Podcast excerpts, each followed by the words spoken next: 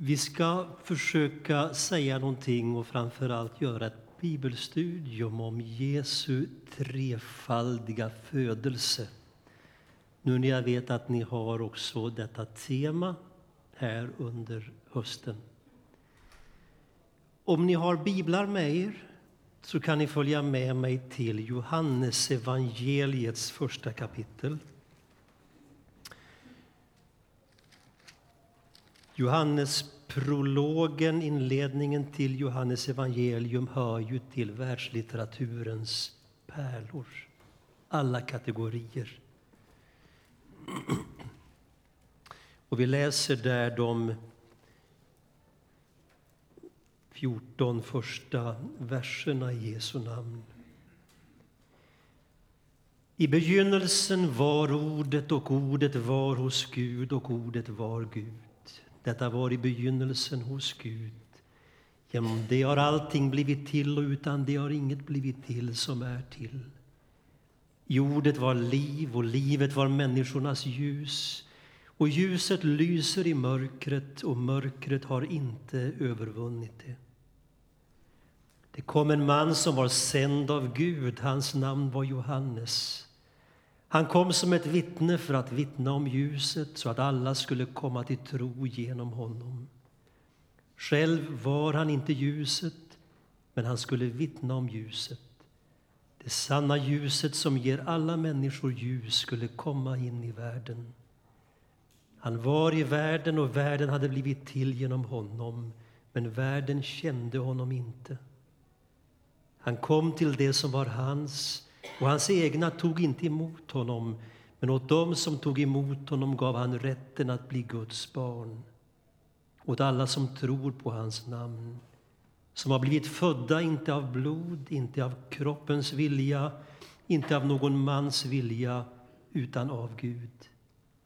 Och ordet blev människa och bodde bland oss, och vi såg hans härlighet den härlighet som den enda sonen får av sin fader och han var fylld av nåd och sanning.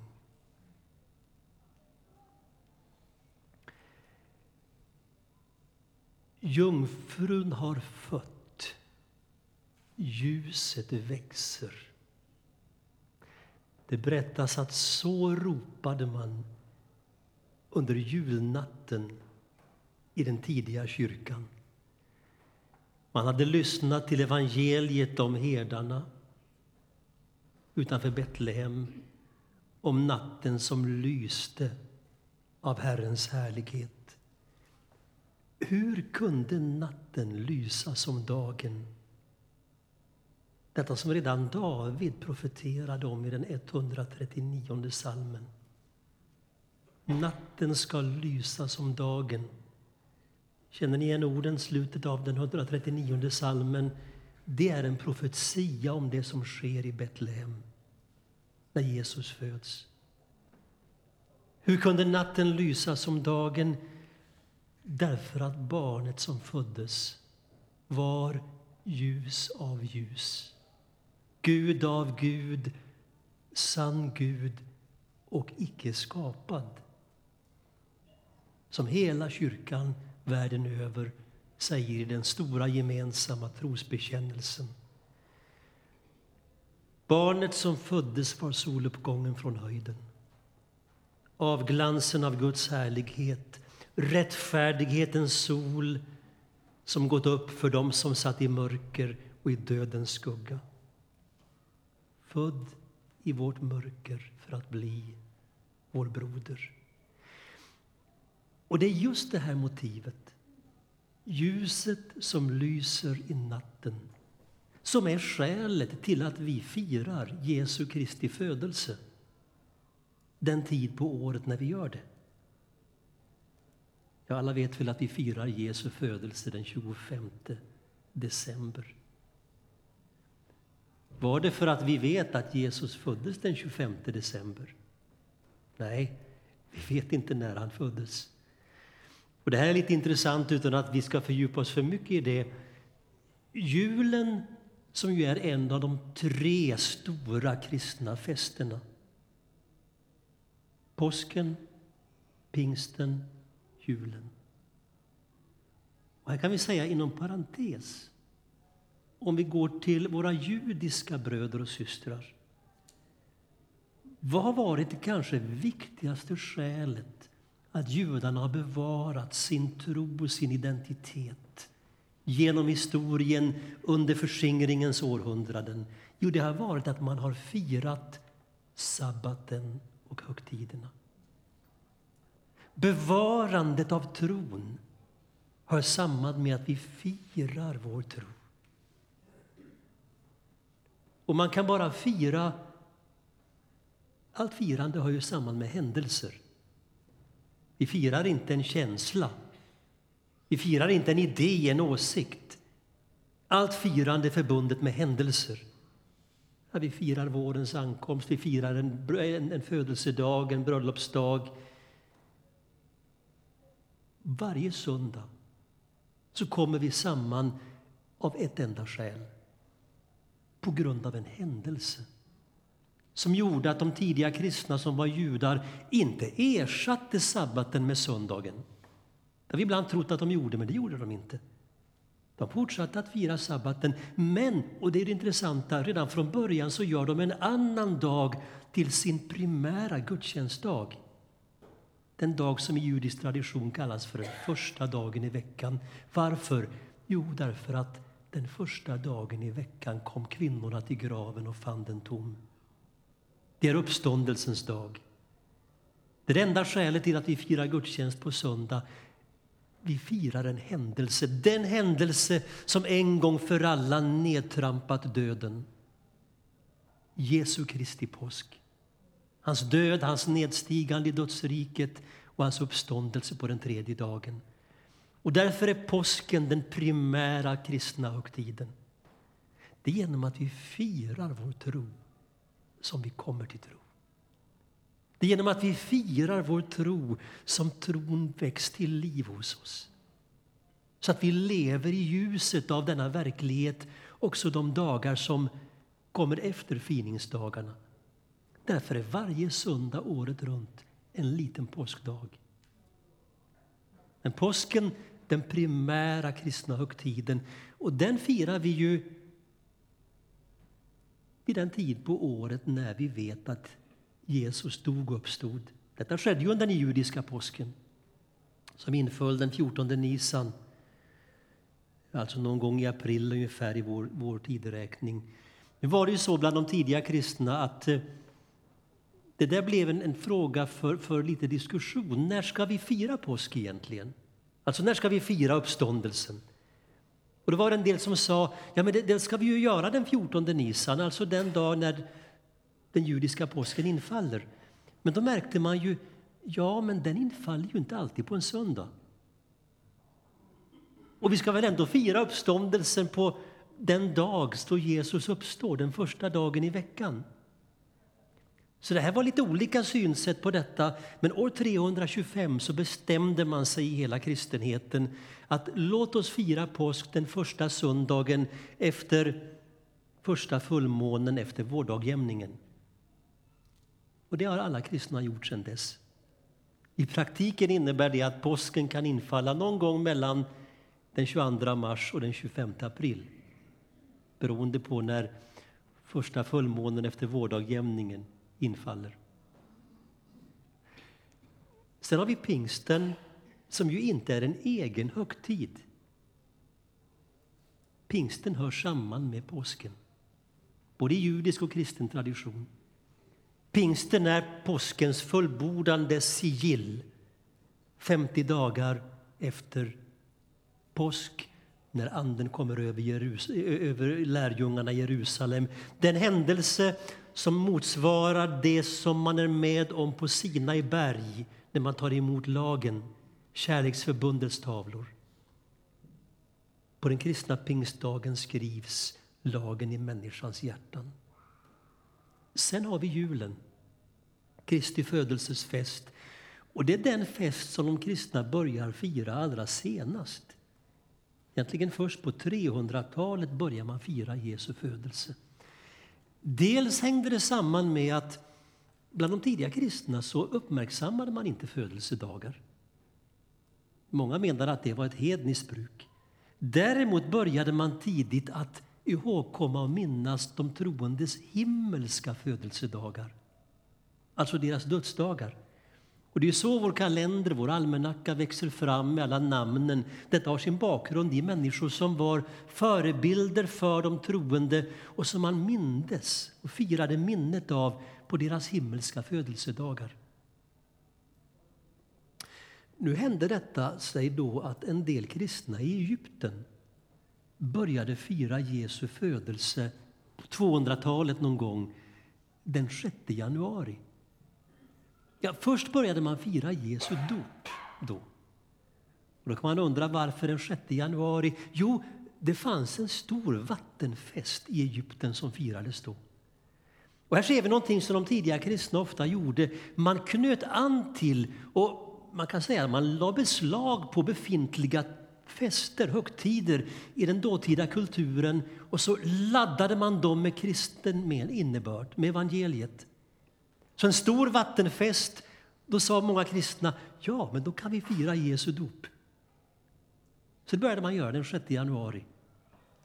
Alltså den dag vi kallar 13 dag jul i Egypten på 200-talet. Men då var det också en del som började säga, ja, men Jesu dop och när han döptes, det var väl då han blev Guds son. Så uppstod en tankegång, den kallas för adoptionism alltså av ordet adoptera. Att man sa, jo men fadern adopterar Jesus som sin son i samband med dopet. Vi hör ju att han säger, den är min älskade son. Så uppstod denna tanke alltså att det var i samband med dopet som Jesus blev Guds son. Stopp och belägg, sa många andra kristna. Så var det ju inte. Sa inte, hör vi inte hur änglarna säger på hedarna utanför Betlehem, denne om barnet, detta barn är Messias, inte ska bli Messias. Han var Gud från födelsen. Detta var ju de kristnas tro. Detta var ju vad apostlarna hade lärt. Och då sa en del, Ja, men vi borde ju ha en fest på året när vi firar födelsen som den händelse där Gud kommer till världen. Men frågan var, när skulle man då fira Jesu födelse? Ja, ja, det finns ju inga uppgifter i Nya testamentet, det finns inga tidiga kristna traditioner om när på året Jesus föds. Vi vet inte det. Men då fanns det i romarriket en stor solfest som firades den 25 december. Och då sa en del kristna, ja men det är väl utmärkt. Den tar vi hand om. Och så gör vi den till den stora festen när vi firar Kristi födelse. Och detta börjar man göra omkring år 330-340 och så sprider det sig över hela kristenheten. Och på 380-90-talet så är detta etablerat i hela den då världsvida kristenheten. Man firar Kristi födelse den 25 december. Och sen har vi gjort det sen dess. Så att så uppkommer alltså julen som festen då vi firar Jesu Kristi födelse och man ropar i natten Jungfrun har fött, ljuset växer. Nu finns det två viktiga frågor som vi ska uppehålla oss lite grann vid i detta bibelstudium i samband med detta. Vem är barnet som föds i Betlehem i förhållande till Gud? Och vem är barnet som föds i förhållande till oss? Vi kan titta på ett ord i, i Johannesevangeliets 19 kapitel. Johannesevangeliets 19 kapitel och den eh,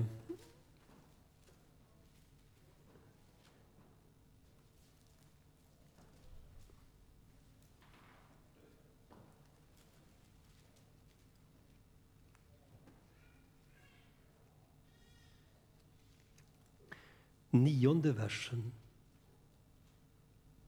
Pilatus går in i residenset och så ställer han frågan till Jesus. Varifrån är du? Varifrån är du? Har Jesus svarat på den frågan? Titta i det åttonde kapitlet i Johannes evangeliet. Och den 23 versen. Jesus sa till dem, ni hör hemma här nere. Jag är ovanifrån. Det sjätte kapitlet i Johannesevangeliet.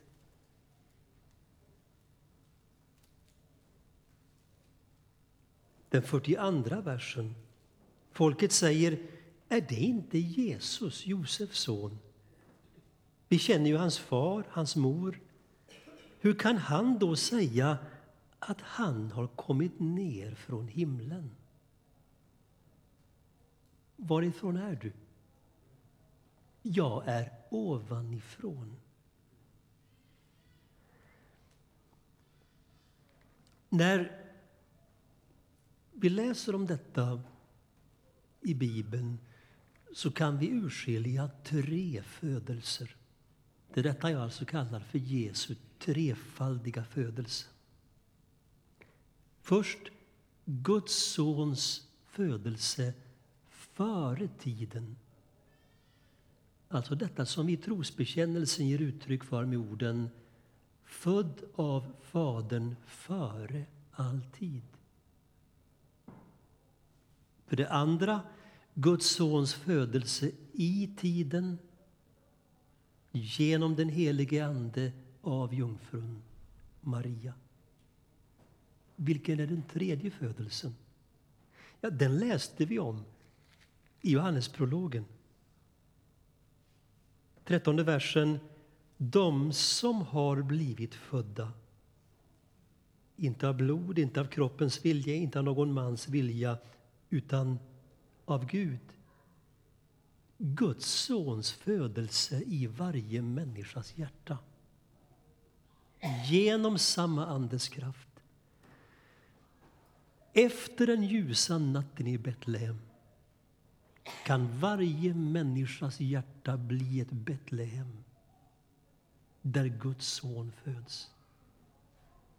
Och varje gång det sker är det ett lika stort mirakel som när Jesus föddes som människa i Betlehem.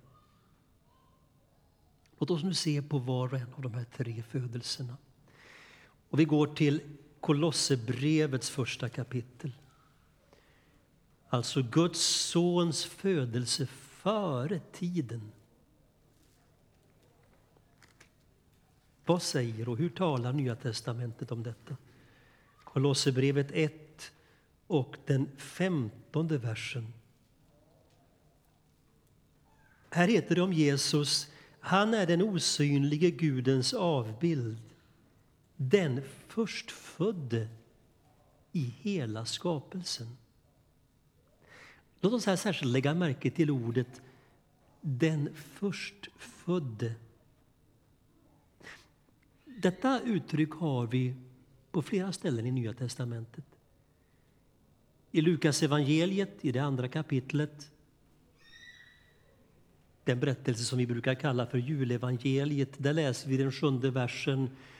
Hon födde sin son, den förstfödde. Här står ju, det är alldeles uppenbart, ordet förstfödd i relation till modern. I Hebreerbrevet 1, den sjätte versen, så står det han låter sin förstfödde son träda in i världen. Här står ordet förstfödd i relation till Fadern. Han låter sin förstfödde träda in i världen. Låt oss slå upp Romarbrevets åttonde kapitel och den 29 versen. 8.29 De han i förväg har utvalt har han också bestämt till att formas efter hans sons bild så att denne skulle vara den förstfödde bland många bröder. Här har vi ordet förstfödd igen. Nu står ordet förstfödd i relation till oss. Så går vi till Uppenbarelsebokens första kapitel. Guds ord är mycket intressant. Det kan låta som en klyscha, men jag säger det ändå.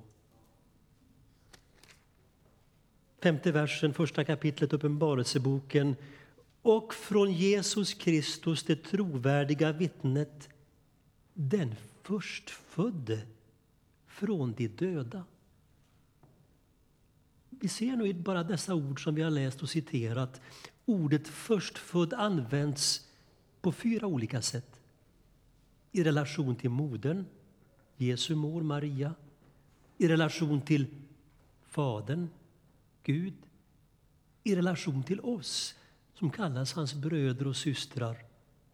Och här talas det om den förstfödde i relation till de döda. Orden om i Kolosserbrevet 1 att Jesus är den förstfödde i hela skapelsen antyder ju att han finns före skapelsen. Kan vi bekräfta detta? Johannes evangeliets första kapitel. Och låt oss nu gå grundligt tillväga. Johannes evangeliets första kapitel, den trettionde versen. Här är det Johannes döparen som vittnar och talar och han säger det är om honom jag har sagt efter mig kommer en som går före mig, ty han fanns före mig. Men när föddes Johannes i relation till Jesus? När firar vi Johannes döparens födelse under året? Strålande. 24 juni. Men det, det, är riktigt. Mitt i sommaren. Och det är ju, om vi räknar då, är det sex månader innan vi firar Jesu födelse. Och det är kronologiskt historiskt korrekt utifrån evangeliernas beskrivningar att Johannes föds sex månader före Jesus. Men nu säger Johannes, som alltså är sex månader äldre än Jesus, han fanns före mig. Och om vi går fram till det åttonde kapitlet hos Johannes, den 58 versen, så hör vi Jesus själv tala. Och här säger han, och dessa ord blir ju orsak till de upplevs mycket provocerande bland de som hör det. När Jesus säger i vers 58 Sannerligen, jag säger er, jag är och var innan Abraham blev till. Och då talar vi inte bara om sex månader, eller sex år eller 600 år. Vi talar om tusen år och mer. Här ställs vi inför ett mysterium, inför något gåtfullt. Alltså orden om att Jesus är den förstfödde i hela skapelsen. Innebär de orden kommer nästa fråga. Innebär de orden då att Jesus också tillhör skapelsen? Att han tillhör det skapade, alltså på det sättet att vi kan säga att det fanns en tid när Fadern fanns men inte Sonen. Skapelsen har ju en början när Gud skapar. Skapelsen är inte av evighet. Tillhör Jesus skapelsen i den meningen att det fanns en tid när Fadern fanns, men inte Sonen? Denna fråga kom att bli orsak till stora diskussioner och till och med strider i kyrkan. Under, framförallt kulminerade på, på 300-talet. Och det handlar ju om frågan i vilken betydelse är Jesus Guds son? I vilken mening? Hur då? Och när det bränner till kring den här frågan på 300-talet, då är det många som säger ungefär så här att ja, men såvida Gud är Gud, då kan han ju varken vara född eller skapad. Ja, det är ju helt rimligt. Det finns ingenting att invända mot det. Ja, men fortsatte man, Guds son kan ju då inte vara Gud i verklig mening. Och därav följer att han inte bör kallas Gud, tyckte många. Förr sa man Jesus är ju född.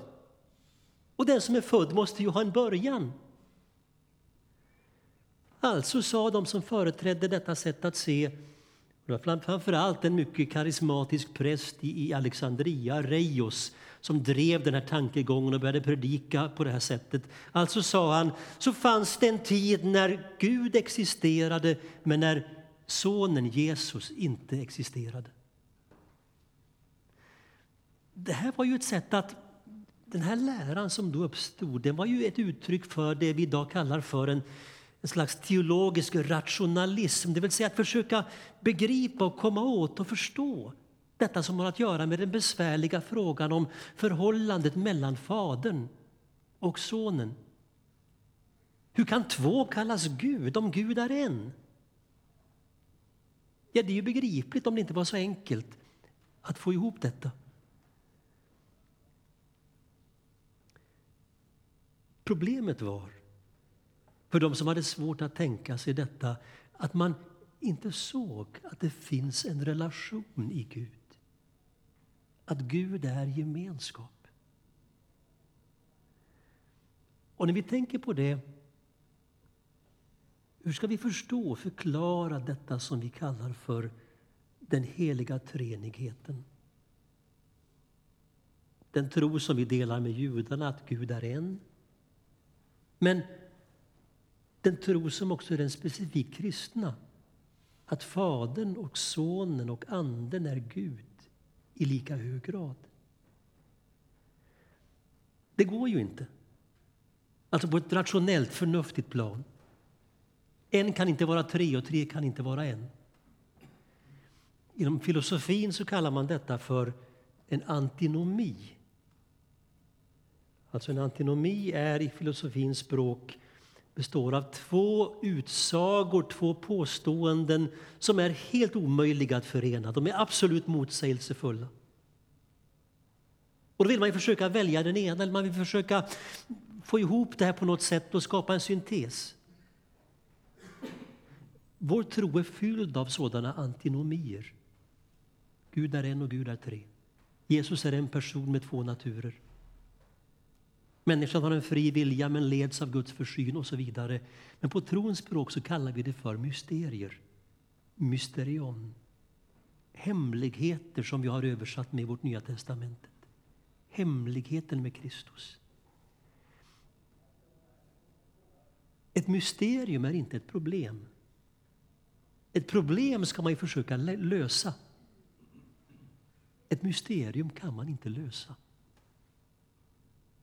Här ställs vi vid den punkt när vi måste ta ett steg i tro. Man kan välja att ta detta steg i tro och säga jo men jag håller fast vid att bägge dessa påståenden är sanna samtidigt, trots att det inte verkar gå. I det här fallet att Gud är en och Gud är tre. Den som tar det steget kan erfara hur världen öppnar sig. Vill vi inte ta det steget utan vi säger jag vill förstå detta och kunna förklara det först. Då kommer världen att krympa allt mer. Det enklaste sättet att närma sig tanken på att Gud är gemenskap, Gud är tre. Det är kanske ändå detta att säga att ja men hur skulle Gud kunna vara kärlek om Gud är en solitär? Alltså om Gud är ensam. Vem skulle Gud i så fall ha vänt sitt ansikte mot i kärlek innan keruberna var skapade? Och seraferna och änglarna och så småningom människorna. Nej, Gud är Fadern vars blick av evighet vilar på Sonen Och i deras mitt finns anden som den brinnande kärlekslågan.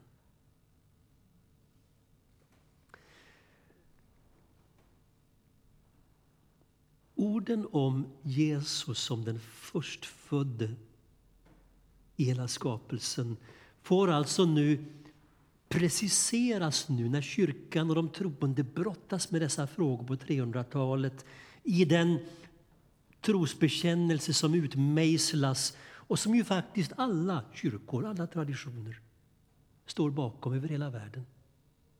Och I det här fallet i orden att Jesus är, som vi sa tidigare, det heter i trosbekännelsen, född och icke skapad.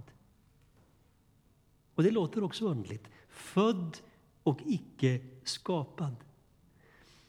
Alltså när den första födelsen, Guds sons födelse före tiden, beskrivs med orden att han är född av Fadern så har inte de orden samma innebörd, samma betydelse som i vår tillvaro.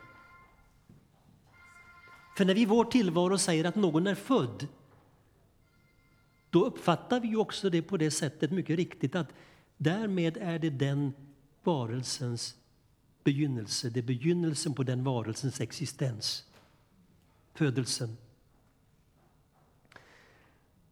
Sonen är född av Fadern i betydelsen att han har sitt upphov i Fadern men inte på samma sätt som biologiska varelser har sitt upphov i sina biologiska föräldrar. Varför?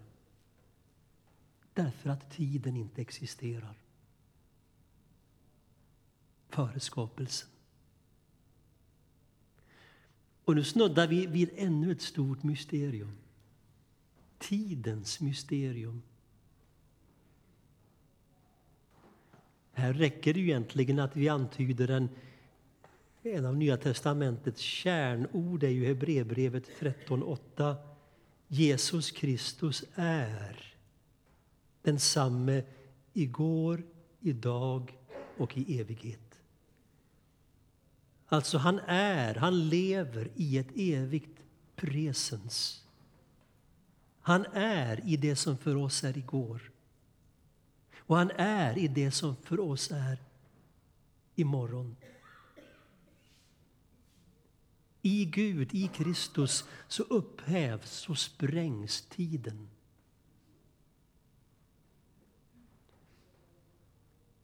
Tidens sönderfall i sekvenser, det som är nu, imorgon, är ju också en följd av syndafallet och därmed dödens intrång i tillvaron. Vi, vi ska inte fördjupa oss i detta nu, det skulle föra allt för långt. Men den händelse här på jorden och i den kristna församlingens gemenskap där vi allra tydligast smakar denna verklighet, alltså detta att tiden upphävs i Kristus.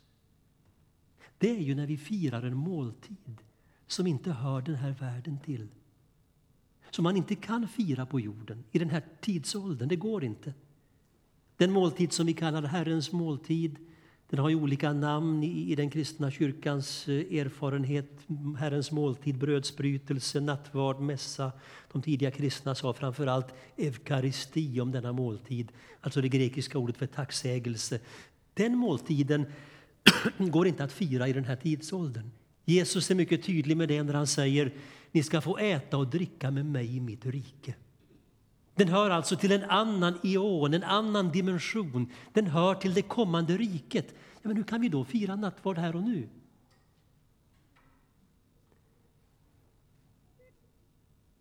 Guds rike är här. Och varje gång vi firar denna måltid så träder vi ut ur tidens kalender. Vi träder ut ur den linjära tiden. Och vi träder in i den eviga tiden. Vi är ögonvittnen till händelser som ännu inte har inträffat. Vi stiger upp till himlen. Och nu talar jag inte bildligt, symboliskt. I verklig mening så deltar den kristna församlingen varje gång hon firar Herrens måltid i den himmelska festen. Kyrkan, församlingen i himlen och på jorden, är en enda församling. Det finns inte två församlingar. En i himlen, en på jorden och en i himlen. Det är samma församling. Därför är den kristna församlingen det enda sammanhang i världen som man aldrig kan dö ut ur. Och ändå så stryker vi ibland människors namn ur medlemsregistret när de dör. Varför gör vi det egentligen? Man kan inte dö ut ur kyrkan, man kan bara flytta från den lidande, kämpande församlingen på jorden till den triumferade, förhärligade församlingen i himlen. Det är samma församling. Och den händelse när vi smakar denna enhet som tydligast, det är i Herrens måltid. Då deltar vi i festen i den himmelska världen. Detta kan vi bara ta till oss genom tron. Men det är verklighet, det är ett mysterium.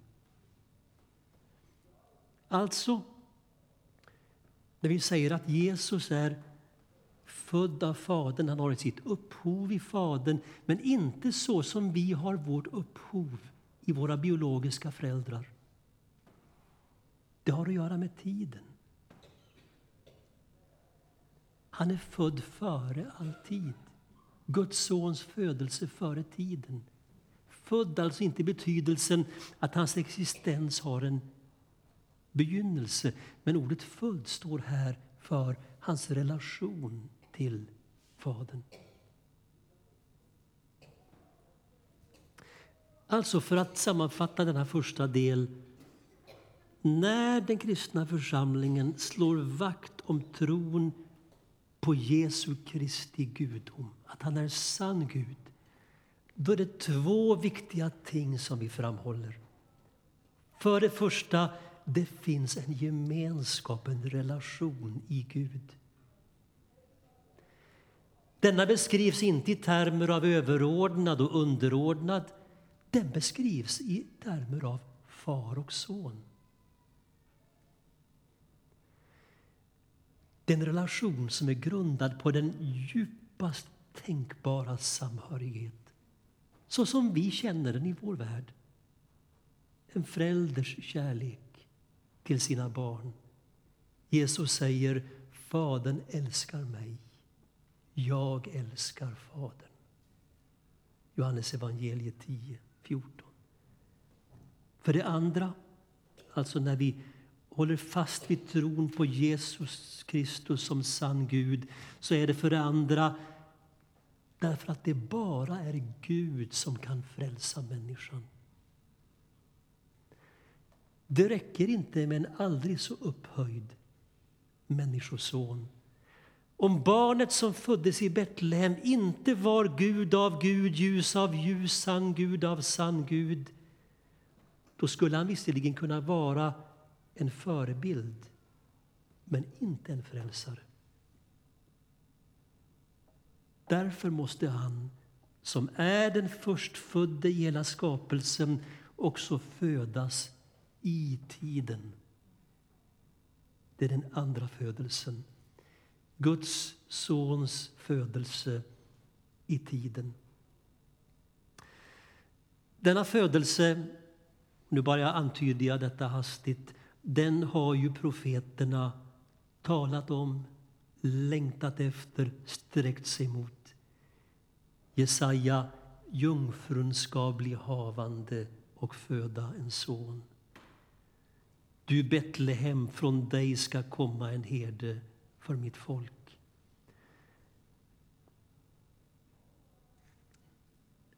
Det finns en berättelse som är alldeles underbar i i Andra Samuelsbokens sjätte kapitel.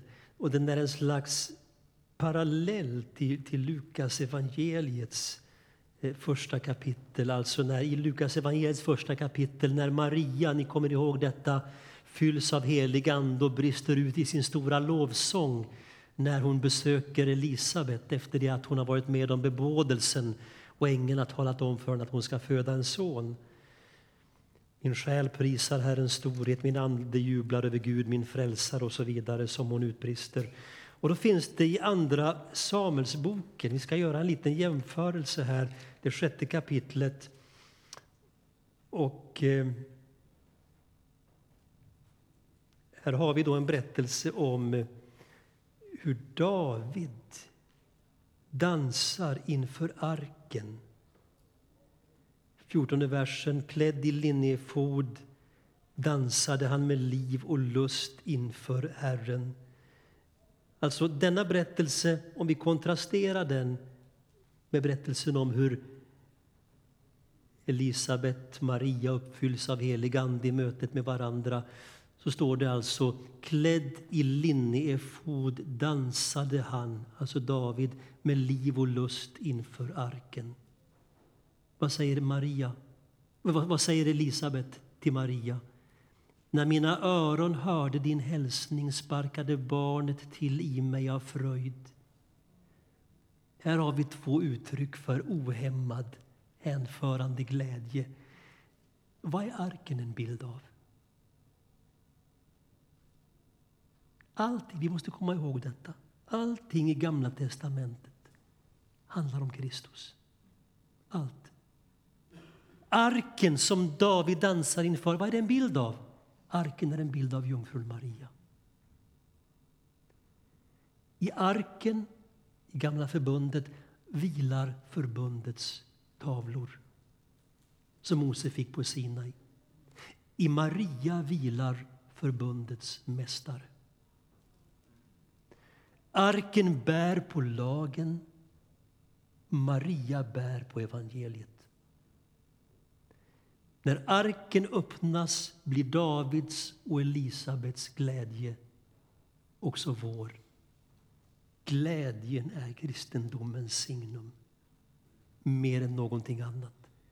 Detta är vår största gåva till världen. Och då talar vi inte om leenden som stramar som en munkavle med Tranströmers ord. Förlorar kyrkan glädjen i Gud, då kommer världen också att gå förlorad.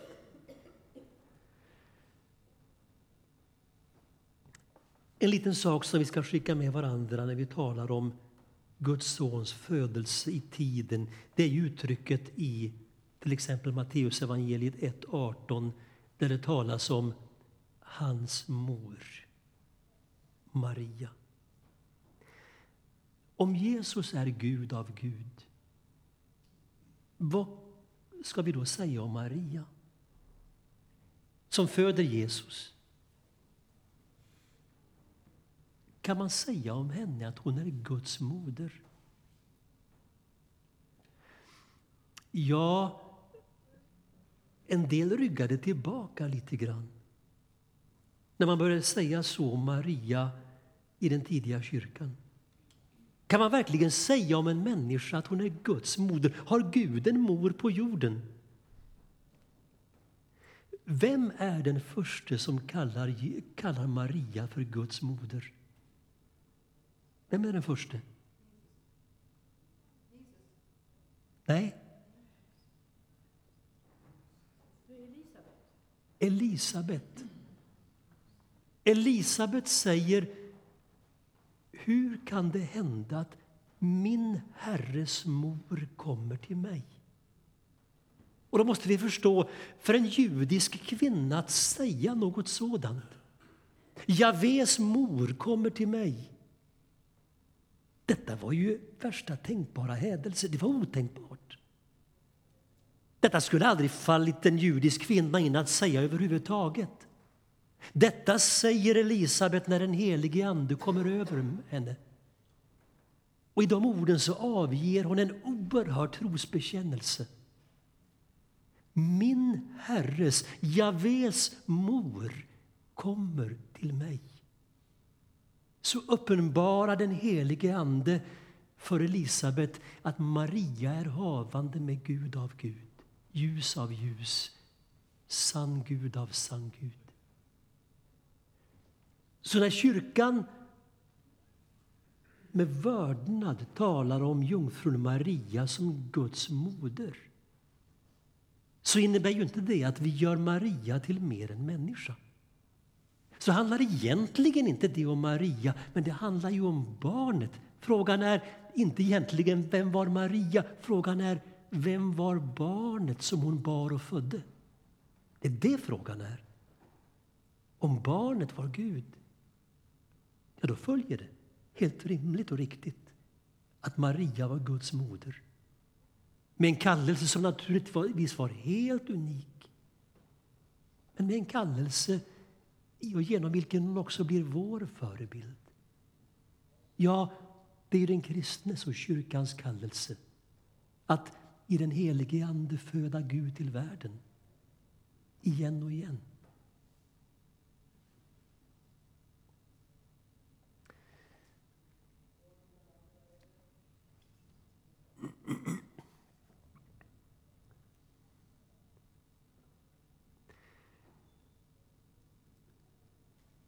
Vi sammanfattar denna andra del innan vi avslutar alldeles strax. Vi sammanfattar med att säga att i det barn som Maria föder ser Gud och människa på varandra och de känner igen varandra. Detta är vår tros mest gnistrande ädelsten, det största mysterium. Alltså, Jesus är allt det människan är. Varken mer eller mindre. Och Jesus är allt det Gud är. Den som ser in i Jesu ansikte ser en människa, som det heter i Hebreerbrevet, i allt lik sina bröder. Hebreerbrevet 2.17. Och hon ser på samma gång in i den levande Gudens son. Den som har sett mig har sett Fadern. Det är detta som vi med ett teologiskt ord kallar för inkarnationen. Och ska man bara lära sig ett av teologernas lite krångliga ord så tycker jag nog att det ordet räcker att man lär sig. Men det kan vara bra att ha med sig, för det står för någonting omistligt. Ordet inkarnation, språkligt, bokstavligen betyder det köttblivande. Ordet blev kött, ordet blev människa som vi läste och bodde bland oss. Kolosserbrevet 2.9. I Kristus har hela den gudomliga fullheten förkroppsligats och tagit sin boning. Hela den gudomliga fullheten. Det vill säga, i Jesus är de två naturerna, Guds natur och människans natur, förenade utan att någon av dem mister sin särart. Ingenting dras ifrån, ingenting läggs till. Alltså när Gud blir människa i Jesus, ingenting dras ifrån den, mänskliga, den gudomliga naturen. Han är helt och fullt Gud. Ingenting läggs till den mänskliga naturen för att han skulle vara en slags övermänniska. I allt lik sina bröder. Detta är det stora mysteriet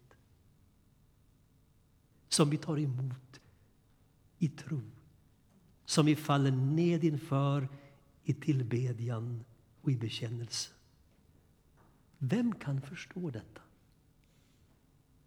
Det kan bara den vars hjärta har blivit ett Betlehem där Guds son har fötts. Förrän vårt hjärta har blivit ett Betlehem där Guds son har fötts kan vi aldrig förstå detta. Hur många doktorshattar i teologi vi än skaffar oss. Detta är den tredje födelsen. Guds sons födelse i våra hjärtan. I Jesus blir Gud ett människobarn för att människan ska bli ett Guds barn. Så enkelt kan vi sammanfatta essensen, själva hjärtat i vår kristna tro. I Jesus blir Gud ett människobarn för att människan ska bli ett Guds barn. Men även detta barnaskap förutsätter alltså en födelse. Jesus säger, ni måste födas på nytt. Det är den tredje födelsen.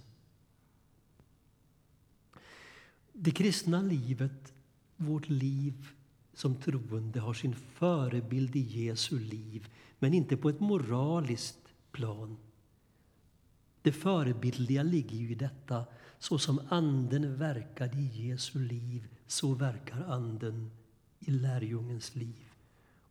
Och därför är redan Jesu födelse en bild av, en manifestation av vår andliga födelse. Ängelns ord till Maria känner vi igen. Helig ande ska komma över dig. Detta är Marias pingstdag. Sen läser vi i Apostlagärningarna att hon är med de övriga lärjungarna på pingstdagen i Apostlagärningarna 2. Men hon har redan varit med om sin pingstdag i sin kammare vid bebådelsen. Ängens besök och anden kommer över henne. Därför ska barnet kallas heligt och Guds son, säger ängeln till Maria.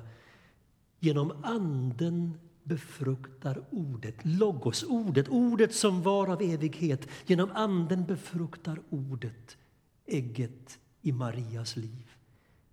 Genom anden föds Kristus i en människas hjärta. När anden befruktar hennes hjärta. Detta är den andra inkarnationen som får Paulus att säga Kristus i er.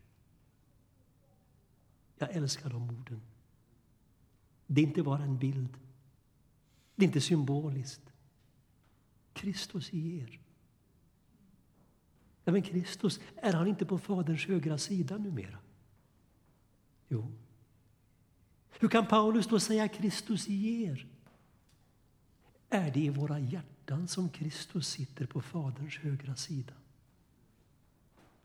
Bär vi himlen inom oss? Det är inte undligt om tanken grips av svindel när vi börjar närma oss detta. Hemligheten med den tredje födelsen. Det Jesus är av naturen. Han är av naturen Gud av Gud. Han är ju född av Fadern före all tid. Det Jesus är av naturen, det blir vi av nåd. Vi blir inte gudar, men det han är av naturen blir vi delaktiga av genom nåden. Detta kallar Petrus i andra Petrusbrevet 1.4 för, han säger, vi blir delaktiga av gudomlig natur.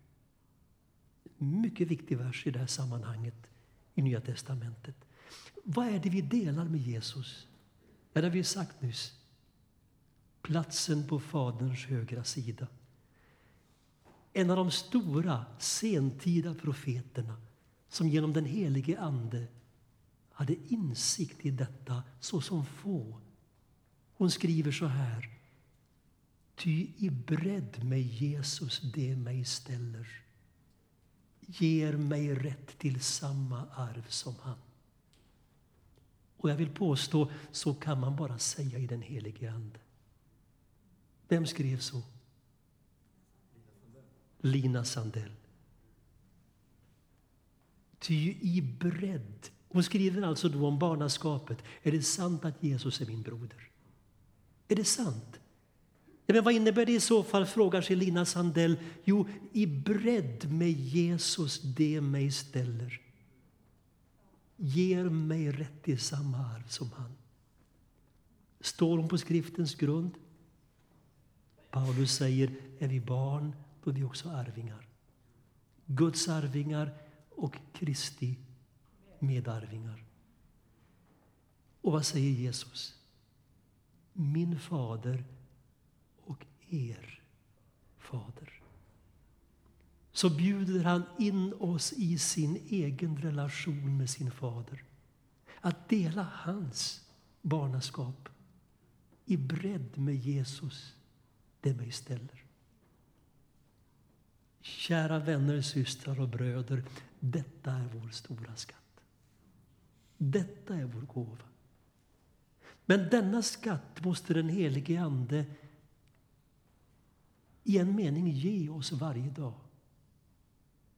För trons tempus är presens, nuet. Alltså det betyder i det här sammanhanget, vi citerade Hebreerbrevet 13, Jesus Kristus är.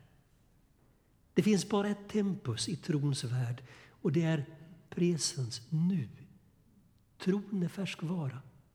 Tron är inte ett slags idé eller paket eller någonting som jag förfogar över. Att nu har jag den här tron. Tron är någonting levande som skänks mig varje givet nu. Det är därför jag säger, det är när vi firar vår tro som vi kommer till tro. Men har vi inte kommit till tro? Jo, men i en annan mening, vi kommer till tro varje dag. Vi kommer till tro varje gång vi firar gudstjänst. Tron ges oss i varje givet nu. Tron är någonting levande. Och det är därför jag säger denna tro som Lina Sandell i Den helige Ande ger uttryck för i bredd med Jesus det mig ställer. Den behöver Anden uppenbara för oss i meningen räcka oss varje dag så att vi kan leva i ljuset av denna stora verklighet. Och gör vi det, då vet vi vad det betyder att äga en glädje som ingen kan ta ifrån oss. Guds son är född före all tid. Han är Gud av Gud. Guds son är född i tiden av jungfrun genom den helige Ande. Men Guds son har också fötts i vårt hjärtas Betlehem för att vi ska dela hans barnaskap med Fadern. Detta är ofattbar nåd. Vi ber. Tack, gode himmelske Fader för din outsägligt rika gåva till oss. Så mycket i denna världen vill fördunkla vår blick, vill skymma vår sikt så att tvivlen uppstår i våra hjärtan. Du vet att vi är svaga människor. Du vet att vi är syndare. Men Herre, du har räckt dig ner, du har öppnat din hand. Du har sänt din son, du har själv blivit människa.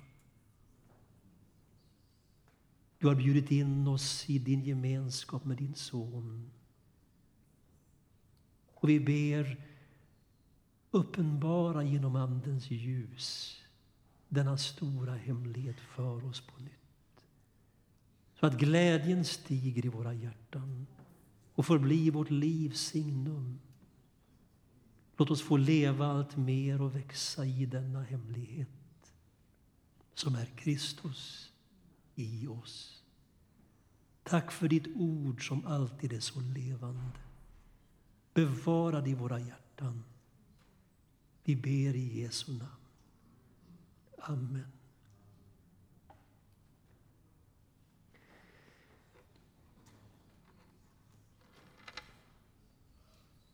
Ska vi sjunga en vers eller två på Lina Sandells sång?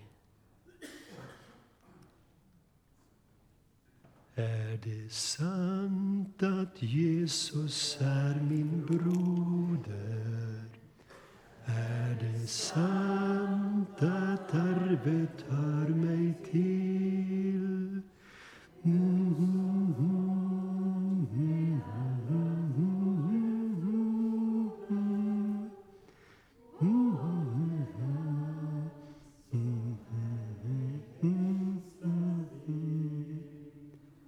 första versen.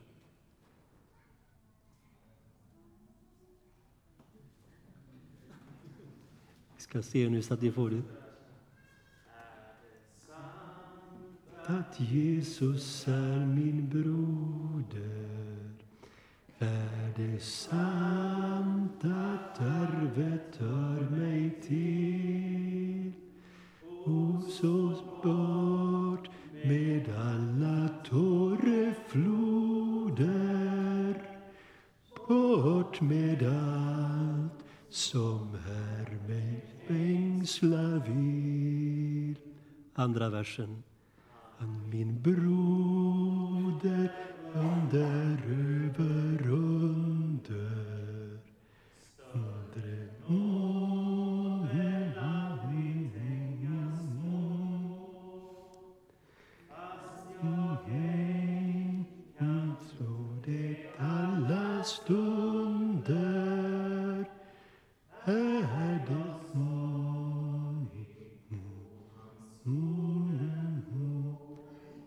tredje versen.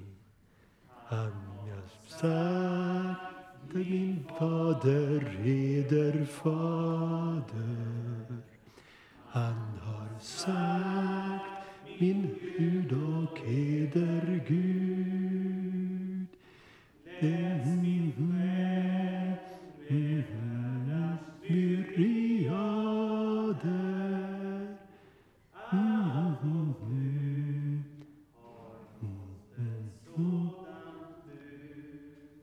Och sista versen.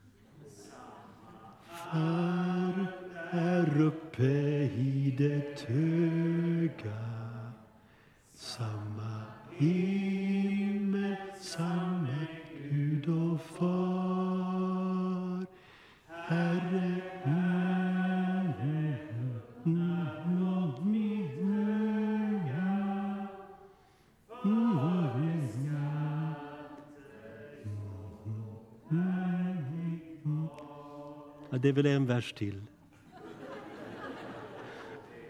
Broderskapets siderelle